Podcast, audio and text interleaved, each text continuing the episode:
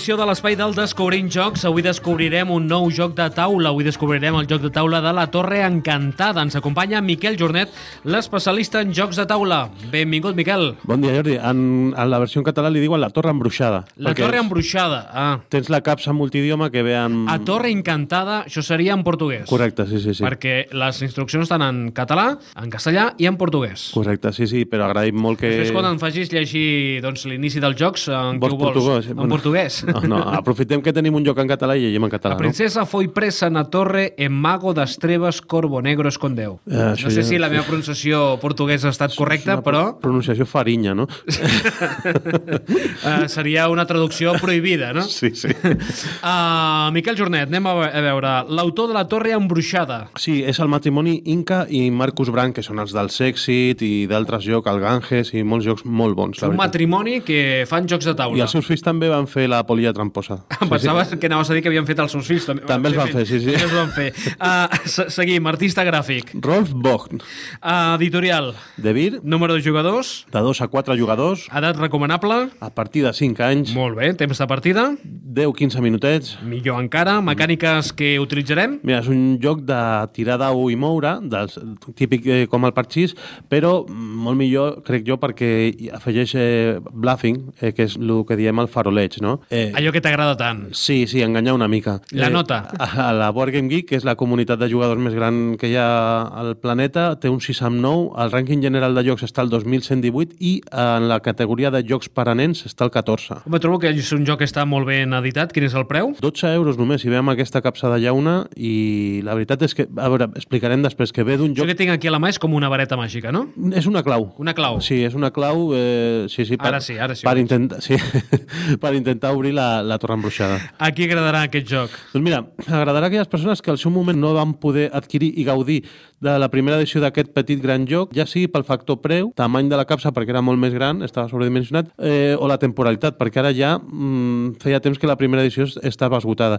També sorprendrà els que pensen que les editorials només volen eh, fer jocs cada cop més cars. Aquest no és el cas, perquè Beer i Dreymacher, eh, que era l'editorial alemanya, podrien seguir venent la torre embruixada amb la versió antiga, que era una capsa tipus Catan supergran i bastant sobreproduït, però eh, hi ha una, un debat en la comunitat de jugadors de jocs de taula sobre la sobreproducció i en aquest cas ha- han fet el contrari, han fet un joc que ja es venia i que costava bastant car perquè estava a prop dels 40 euros, l'han tret en un format així, molt més bufó, i la, les sensacions de joc és, és, és gairebé el mateix. Si vols llegim la És contra... una capsa petita, per tant, doncs, de, de viatge. Sí. Ajuda, la jove princesa està presonera a la torre i el malvat bruixot n'ha amagat la clau al mig del bosc. Ràpid, afanyeu-vos, busqueu-la sense descans, però espereu, què és això? La torre està embruixada. Només un dels panys farà que la princesa sigui per fi lliure. Haurem d'ajudar, doncs, en aquest cas, aquesta princesa a, a fugir de la torre, eh? Correcte, és un joc ideal per, Per jugar... tant, aquesta vareta màgica que abans eh, t'he comentat és, finalment, doncs, la clau. La clau eh? que va aquí als diferents panys. Ho han solucionat d'una manera perquè això, el joc, el joc gran abans eh, tenia un mecanisme que funcionava amb unes claus que, que les introduïa si saltava la princesa i aquí el que han fet és amb uns truquels de cartró diferents, un jugador perquè de, té una preparació prèvia a aquest joc, el que fa de bruixot fica un truquel de la princesa dins de la capsa i aquest truquel només té una combinació possible per obrir, que és quan fiques la clau i tires cap a dalt de la princesa, si surt és que està alliberada i si queda enganxada és que la clau no obre. I ho han solucionat molt bé, és molt enginyós amb un recurs de cartró i una clau de ferro eh, et dona la, el mateix joc que tenia el joc que, que tenia un mecanisme bastant complicat de plàstic i, i engranatges i tal i per això eh, ara costa molt més barat aquest joc. Eh, la preparació prèvia, això, el bruixot, que és eh, un bruixot que es diu niu de corp, prepara el tauler, que és eh, de totes les peces que hi ha, hi ha unes peces tombades que no tenen res a l'altra banda, però hi ha una que té una clau. Les col·loca en els jocs on, on van aquestes peces. Ell serà l'únic que, que sap on està la clau perquè els altres jugadors, que normalment poden ser els nens, a vegades també canviem els papers si els pares juguen en la banda de, del Robin, que és, que és eh, el bo de la pel·lícula, és qui sap on hi ha l'única clau que hi ha al tauler amagada i és correcta. I és, eh, la, la, has estat mirant una a una fins que l'has trobat. I és també el bruixot niu d'acord qui sap el pany obre la princesa, perquè després les altres peces de truquel es fiquen a la capsa. És, és molt enginyós perquè si li dones la volta a la princesa, canvia, tan canvia també el forat que, és el correcte. L'únic que és el forat del mig que si gires és igual perquè és simètric, però les asimetries de les altres peces fan que, que puguis posar-ho al primer, al segon, al tercer, al quart al, uh, o al cinquè, no? I, i és, és bastant enginyós. Aleshores, com funciona? Hi ha un dau i els jugadors, que poden ser dos o tres nens que juguen amb, amb el Robin, que és, tenen l'emoció de trobar la clau i després de provar sort, perquè no només trobar la clau ja guanyes, sinó que has de provar sort i veure si, si alliberes la princesa. Doncs aquests, uh, els nens tiren un dau que tenen un números en blau, pel, que és, és perquè es mogui el bruixot, i números en, en vermell, que és perquè es mogui el, el Robin, que és l'heroi de, la, de la pel·lícula. No? I després el niu de cor té una fitxa que és com una moneda que per una banda és blava, que és la cara del bruixot, i per l'altra és vermella, que és la, la cara del Robin. Aleshores, els nens tiren el dau i miren què surt, i el bruixot tira la moneda i això vol dir qui es mourà primer. Si la moneda cau pel, per la cara del bruixot, mourà primer el bruixot, però el número de, de caselles que digui el dau en, en color blau. I després mouran els altres, el número de caselles, en aquest cas ha sortit 2-4.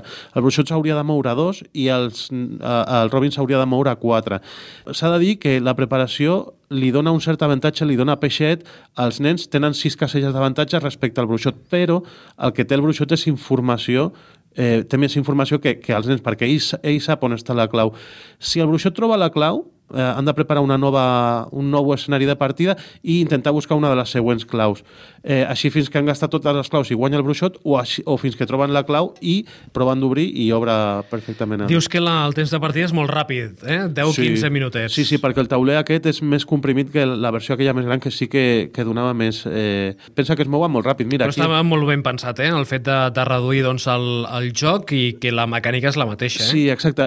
Aquest és el típic joc de, del gat i ratolí, no? De, uns persegueixen o, o el, el mag sap on està la clau i pot anar fins la clau correcta i agafar-la i aquí s'acaba la primera ronda de la partida o pot fer que la clau està a l'altra punta del taula i realment no estan allà i els jugadors que juguen amb el Robin es, es pensen que està per allà i realment està a l'altra cantonada i els fa perdre temps o...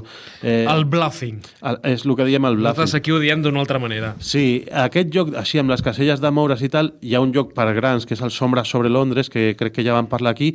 Aquest seria com mi primer Sombra sobre Londres, no? perquè hi ha una persecució, hi ha, hi ha informació amagada i la veritat és que és un joc superxulo per jugar amb nens a partir de 5 anys anys. Doncs jugarem a la torre embruixada, uh, més amb una capseta doncs, metàl·lica que està, que està, que està molt Tipus bé. Tipus Sushi Go, que es porta tant ah, de moda. Exacte. Mm -hmm. el, del Sushi Go és el que han fet després, eh? el, el superior. Eh, sí, el Sushi Go Party, no? Això mateix. Us recomano molt perquè podreu fer partides, moltes partides, i sempre jugareu d'una manera diferent. Mm -hmm. uh, Miquel, quina música ens tens avui? Doncs mira, es va fer una pel·lícula que es deia El laberinto, això té pinta també d'un laberint, hi ha un bruixot, hi ha una torre, has de sortir, i em recorda molt a la pel·li aquella de Laberint que sortia el David Bowie, que seria el rei Jared, que és el, aquí el bruixot Niu de Corp, i el Robin, que seria la Sara, que era la, la noia que havia de trobar el seu germà que l'havien segrestat, no? I és una pel·lícula que, que tots els que tenim un passat ochentero pues ens, ens agrada molt i el David Bowie, malauradament, que ja no s'han... Tots els que tenim un passat i els que tenim doncs, una edat, també. Eh? També, sí.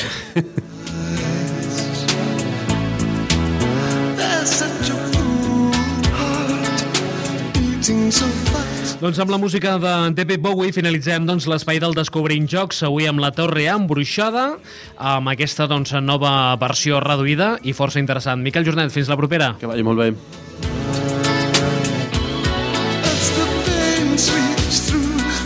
sense for